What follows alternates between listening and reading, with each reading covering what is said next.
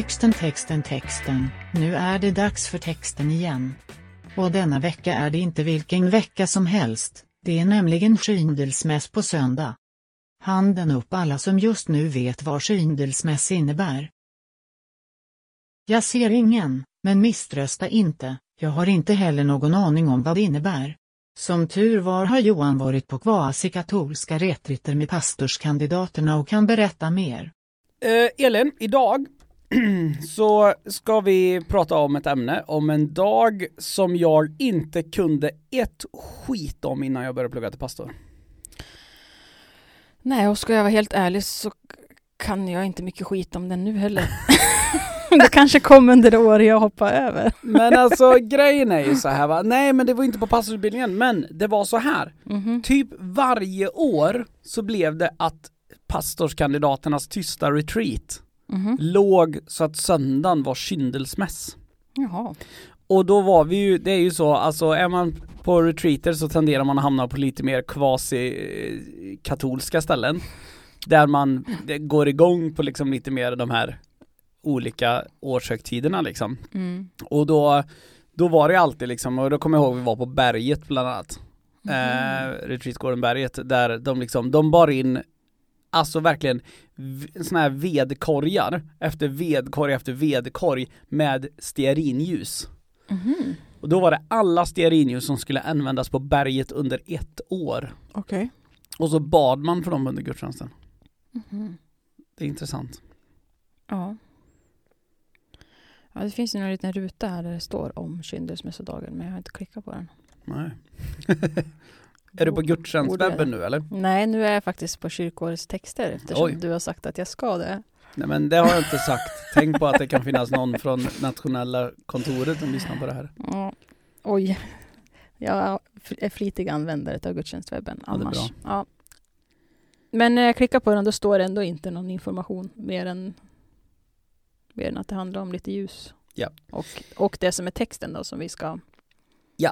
Jag tänker Läsa. att vi eh, gör ingen större grej utav det utan vi tar texten. Mm, och den är från Lukas kapitel 2, vers 22 till 40.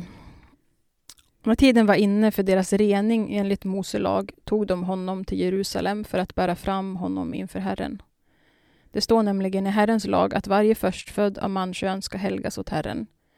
Och för att offra två turturduvor eller två unga duvor, så som det är föreskrivet i Herrens lag. I Jerusalem fanns en man vid namn Symeon som var rättfärdig och from och som väntade på Israels tröst. Helig ande var över honom och den heliga anden hade uppenbarat för honom att han inte skulle se döden förrän han hade sett Herrens Messias. Ledd av anden gick han till templet och när föräldrarna kom in med barnet Jesus för att göra med honom som det är sed enligt lagen tog han honom i famnen och prisade Gud och sa Herre, nu låter du din tjänare gå hem i frid så som du har lovat, ty mina ögon har skådat frälsningen som du har berett åt alla folk, ett ljus med uppenbarelse åt hedningarna och härlighet åt ditt folk Israel.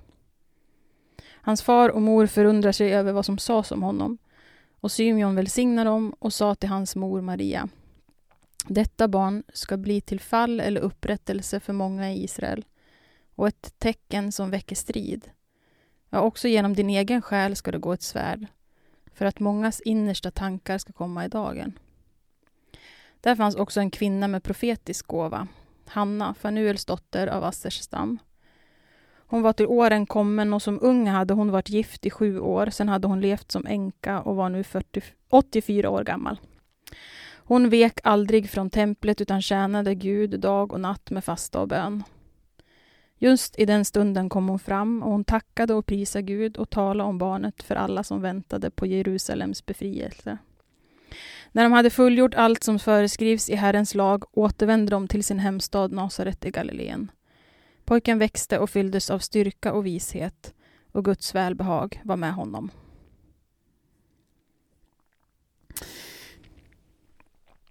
Det här är ju en, eh, en liksom rätt spännande del kan jag tycka utav Jesu liv. Mm. Eh, för han bär sig till templet och, eh, och liksom blir ju här tydligt liksom ehm, ja men det är ju här han blir en del av det så att säga judiska folket så att säga. Alltså det här är ju, det som beskrivs här är ju den högtiden som kallas Brit Mila, alltså omskärelsen. Ja, du, har, du har lyckats googla lite nu under tiden jag läste. Eh, nej, jag Eller kan vet, du sånt här? Brit Mila vet jag, Ja. men det är för att jag har eh, nördat judendom jättemycket det senaste av någon anledning. ja. Men, ehm, och det här är ju verkligen en Ja men man, jag, jag inser det, eh, jag berättade ju förra veckan om att jag hade tittat på Stissel Mm. eh, och där man inser där också de ju då firar en sån här där ett barn har kommit liksom och sådär Mm. att ser att det här är en så viktig del av att vara jude, Mm. ehm, vilket ju också Jesus var. Nej men och det är ju en, eh, där liksom eh, Jesu föräldrar, de, de är ju liksom som rättroende judar här nu liksom i- utför de liksom två buderna som finns i lagen liksom. Dels att eh, att man ska, att varje förstfödda manskön ska helgas åt Herren, alltså omskäras och att man ska offra två turturduvor eller två unga duvor. Mm. Men den här händelsen blir ju någonting mer. Mm. Det stannar ju inte där. Nej, det blir ju liksom som ett, ännu ett tecken för Maria och Josef också, tänker jag. Att Ja. faktiskt få ett, ett till bevis på att, att eh, det de har upplevt inte, inte bara var hittepå liksom. Mm. Mm. Ja, och, och någonstans så jag tänker också att det är ju intressant när vi, när vi också då liksom ser på det i ett större perspektiv hela det här, den här händelsen liksom att hur omtumlande deras liv måste ha varit här alltså. Mm. Alltså dels den här långa perioden av liksom där Maria blev gravid och, och så vidare. Men också bara så här efter de har fått barnet. Mm. Och att liksom det här eh, de här bevisen på bevis på bevis som kommer. Liksom det är änglar, det är herdar, det är liksom vise män som kommer, det är liksom Mm. ehm, Ja, och det har väl fortfarande gått, gått åtta dagar, eller? Ja, ja. precis. Så att det här händer ju någonstans jag är så himla dagvill och dålig på att räkna, men det, det är väl kring nyår då, eller? Ja, Egentligen. Mm. Mm. I våran, i våran, våran kalender. mm, precis. Mm. Jag tycker att det är en lite svår text. Eller det, är- det är väl dels för att den är så himla lång, men också att det är så mycket kulturellt och judiskt som... Alltså det är, det är mycket liturgi liksom i Mm. det. Eh, som känns svår att liksom ta till sig just för att det är så långt. Ja, men det här är ju en text som ehm, eh, på många vis verkligen stenhårt knyter Jesus till en kultur. Mm. Alltså, det här är inte ett barn som föds random i någon random kultur någonstans, utan det här är, det blir så tydligt att det är den här barnet, en av Davids stam, som föds in i judisk kultur. Och någonstans så ska vi säga det att det här är startpunkten, men sen är det ju så, vi vet ju det också, Jesus lever ju ett judiskt liv. Mm. Ehm, Jesus var, var det vi kallar liksom en from jude. Um, ända tills han dog. Mm. liksom. Eh, och där någonstans att se att det är där vi kommer ur, men jag tänker här att det känns så obekant, det beskriver nog rätt så mycket hur långt vi har dragits ifrån det. Mm. Och det tänker jag, det har ju alla kyrkor gjort, mer eller mindre. Men jag, jag kan nog dela bilden att det är lite så svårt, vilken väg tar man in i det här? Mm.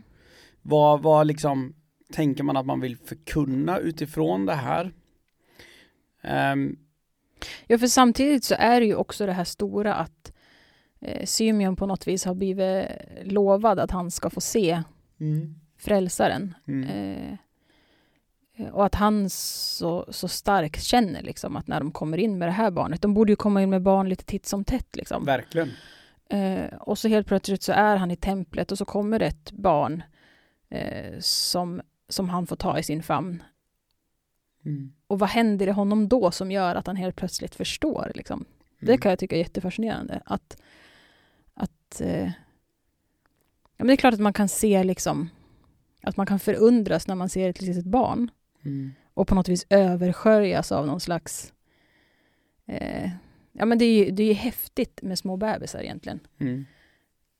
Men att han, att han där och då är så, är så säker. Liksom. Mm. Att nu...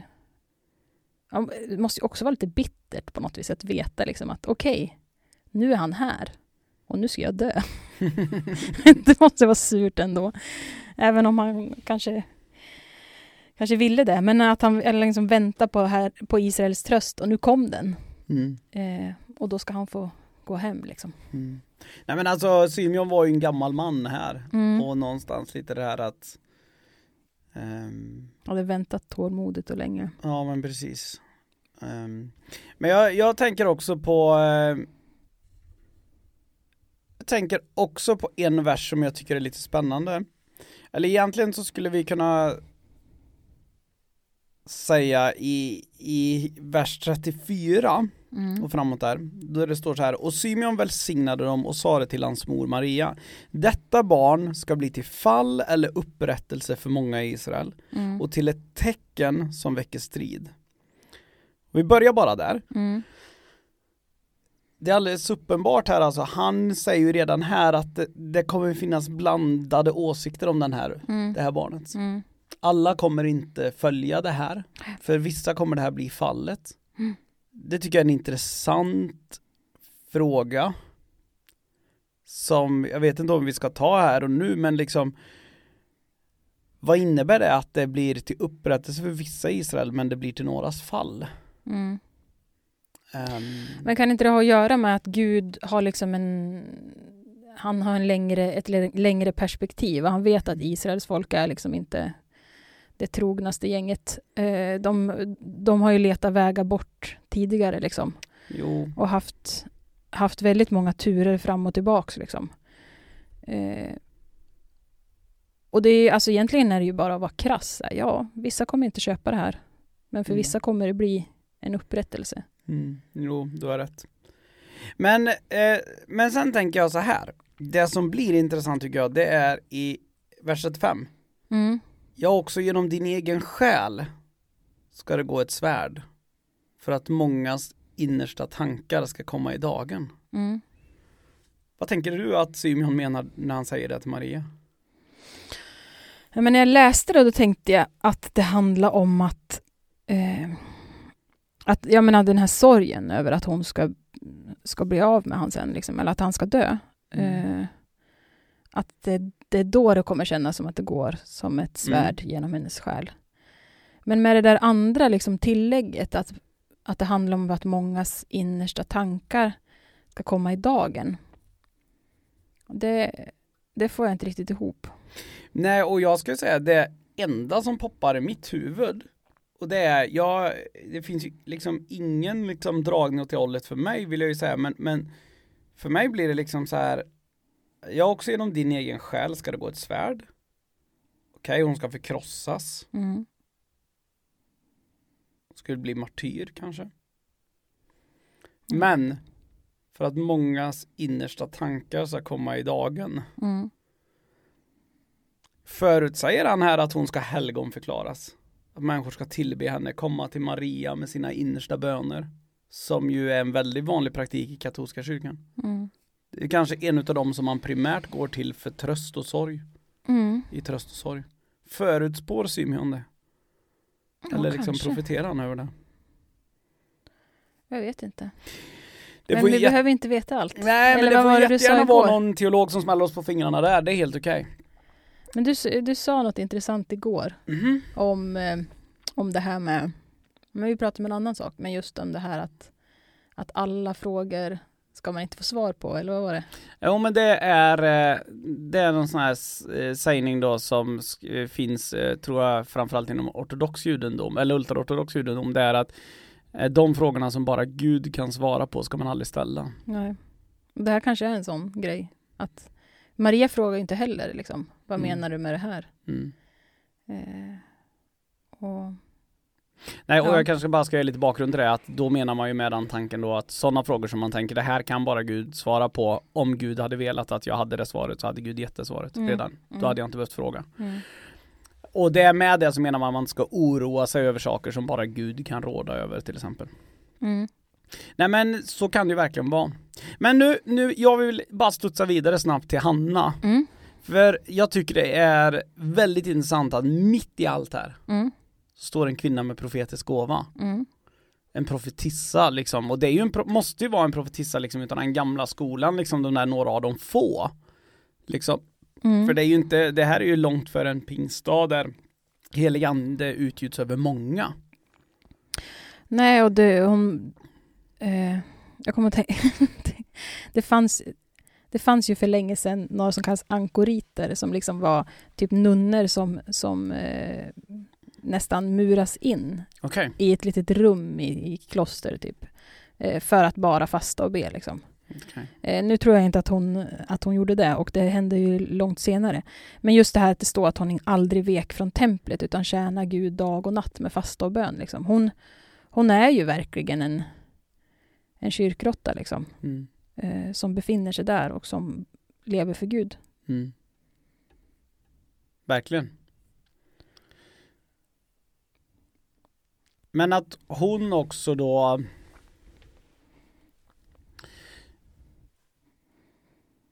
liksom att för hon kom ju med en sorts tröst skulle jag ju säga. Mm.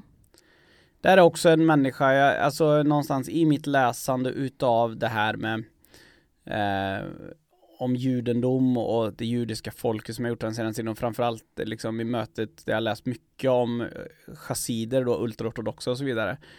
Så är det ju så, längtan efter Messias är ju så otroligt brinnande varm Mm. den otroliga längtan efter det. Och att där kunna se att, ja men att ehm, även här på den här tiden, Hanna längtade också efter Messias. Mm. Och precis när hon säger det, just i den stunden kom hon fram och hon tackade och prisade Gud och talade om barnet för alla som väntade på Jerusalems befrielse, Mm. a.k.a. alla som väntade på Messias. Ja, hon... Det, det måste, jag kan liksom nästan se den här 84-åriga gamla tanten som, som är där i kyrkan och som liksom inte kommer... Man kan inte komma undan henne när man Nej. kommer dit för att hon har någonting att berätta. Liksom. Mm. Eh, och det, det är någonting vackert i det tycker jag.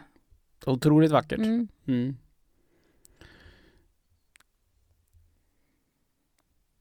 Jag tänker också en sak som är intressant, det är att hela det här avsnittet, det är inte eh, riktigt sista vers utan näst sista, men det avslutas med att säga när de hade fullgjort allt som föreskrivs i Herrens lag återvände de till sin hemstad. Mm. Alltså att någonstans se det här att ehm, det med betoningen i här, det som har föreskrivits i Herrens lag Mm. det som har föreskrivits i Herrens lag. Alltså det här tycker jag är intressant, liksom hur, hur otroligt starkt liksom evangelisten här, i det här fallet då Lukas, liksom knyter Jesus in i liksom i Toran, liksom, Mm. i, i, liksom, i, i lagen, liksom, i, i det judiska, i den judiska identiteten. Jag tänker också att där tror jag också en, en spännande sak som jag får upp i huvudet där. Det är att vi pratade om någon veck för någon vecka sedan så pratade vi om eh, ehm, den här mannen som jobbade vid Kungahov som hade en döende son Mm. som hade varit på, på vingalejet så att säga. Precis. Mm. Eh, och han, det var ju Galileen. Mm. Och det här, det var det andra undret i Galileen. Och så tänker jag liksom på det här Jesu liksom uttalande om liksom ingen blir profet sin egen hemstad och så vidare. Mm. Att se att i hans del av landet så sker ju ett par under. Men de allra flesta sker inte där. Nej, Ehm, men han börjar där liksom. han börjar där. Mm. Han börjar där. Han på något vis börjar där han står. Mm. Okej. Vi har gått igenom texten lite grann här då. Mm. Vad ska, skulle du predikat om här? Vad skulle du liksom, vilken vinkel skulle du ta in i det här tror du? Ja du, vilken vinkel skulle jag ta? Egentligen borde borde jag ha hunnit fundera på det eftersom vi, vi brukar ju liksom runda av där. varje gång och efter så här många gånger borde jag ju förstå att frågan ska komma. Man ska ju dock Men jag mig säga ändå för er lite- som inte vet det, som har lyssnat innan, eller inte har lyssnat mycket innan så är det ju så, vi, vi sätter oss ju, vi är ju aldrig förberedda, det är liksom våran grej. Vi sätter oss, slår upp Mm. någon hemsida som bara berättar vilken text det är och så kör vi därifrån. Så det är våran liksom upplägg. Mm. Det är liksom inte manusbaserat. Nej men Jo men jag, man kan, jag skulle kanske gå in lite mer på Symeon då. Att försöka liksom mm, om, om man på något Ibland så upplever jag att, att äldre människor eh, är lite nöjd. Alltså att man är lite så här man tänker inte att man ska få vara med och se så mycket mer. För att man har redan fått upplevt så mycket. Eh, Men att, att bara eh, ha honom som förebild där i att veta liksom att, att det, det finns mer. Eh, och så den, den, eh, det skulle jag kanske vara inne och nosa lite på. Att, att Gud kan ha överraskningar liksom, även för, eh, för den som är gammal och den som egentligen bara väntar på att få dö. Liksom. Mm. Kanske. Ja, nej jag vet inte. Vad, du då? Alltså jag får en känsla nu och det är Mm. att jag tänker att det är två personporträtt som beskrivs här. Mm. Både Symeon och Hanna. Mm. Symeon, han var inte i templet. Ja, han gick dit. Han gick dit. Mm. Hanna, hon var alltid där. Mm. Vad kan vi säga om de som inte var i templet? De fick inte del utav det som skedde där. Nej. Att någonstans se det här återigen, det, det, är, väl i, eh, det är väl i Saltaren som det står att den som planterar sitt liv i Guds hus Mm. kommer blomstra. Att någonstans, jag tänker på något vis ehm, om din tro känns torftig, om du känner att det känns harvigt, du känner, du längtar efter Jerusalems befrielse liksom, typ Mm. om vi ska tala i de här orden, om du längtar efter att se frälsningen. Mm. Ej, du kommer inte hitta det hemma i din egen ensamhet högst troligt. Du Nej. kommer hitta det i en gemenskap av kristna människor, eller utav troende människor. Mm. Ehm, Jo, men det är, ja, precis. Det är på plats vi får se saker hända. Liksom. Exakt, alltså Mm. det här är en händelse där liksom ehm, Jesus föräldrar var trogna sin kultur, sitt sammanhang, trogna det. Vi har ingen aning om om de tycker det kändes nice att göra det här. Nej. Men de gjorde det, de offrade de där två tutteduvorna eller unga duvor oavsett vad de kände kring det. De gick och gjorde det, Mm. för man gör det. Ja, Ehm, det står ju liksom ingenting om deras egen upplevelse kring det. ingenting. Nej. Allting handlar ju om de här, de här andra två. Exakt. Och där någonstans så tänker jag så här. ehm, om du längtar efter att se mer av Guds handlande i ditt liv, rör dig, liksom så tror jag att då behöver man ju röra sig närmare och närmare både, både Gud i sitt personliga liv, men också en gemenskap. Mm. För min fasta övertygelse det är att ehm, det, är ju, det, det här är liksom lite av brännmärkt för vissa att tala om men helt seriöst, jag har väldigt svårt att se att, att kristen tro skulle cirkulera så mycket kring ehm, en en, eller varje enskild person. Nej. Kristen tro baseras väldigt mycket kring en grupp människor. Mm. Ehm, och jag tror att det i, i liksom i Kristi gemenskap där vi pratar om som församlingen, som kroppen, Mm. där sker saker också. Där händer saker.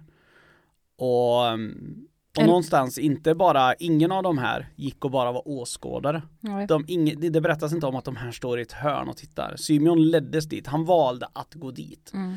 Han blev ledd av anden. Han gick dit och deltog aktivt. Han välsignade dem. Mm. Hanna, hon befann sig där. Men hon valde inte att sitta i ett hörn. Hon valde att aktivt gå fram Mm. och välsigna och liksom det här att faktiskt se att låter jag min tro få vara aktiv? Eller tänker jag att min tro ska vara liksom på, på åskåda mode? Mm. Liksom. Något sånt hade jag gjort av det. En av de andra texterna den här söndagen är Mm. ju från Apostlagärningarna 2 Ja. som beskriver den första den Kristna första kristna gemenskapen Mm. där de också gör allt det här. Mm. Alltså de, de möts, eh, de delar. De bryter bröd Mm. och de, och de delar allt, liksom allt de äger gemensamt. Mm.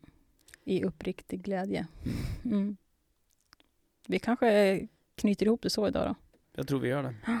Tack för idag. Tack för idag.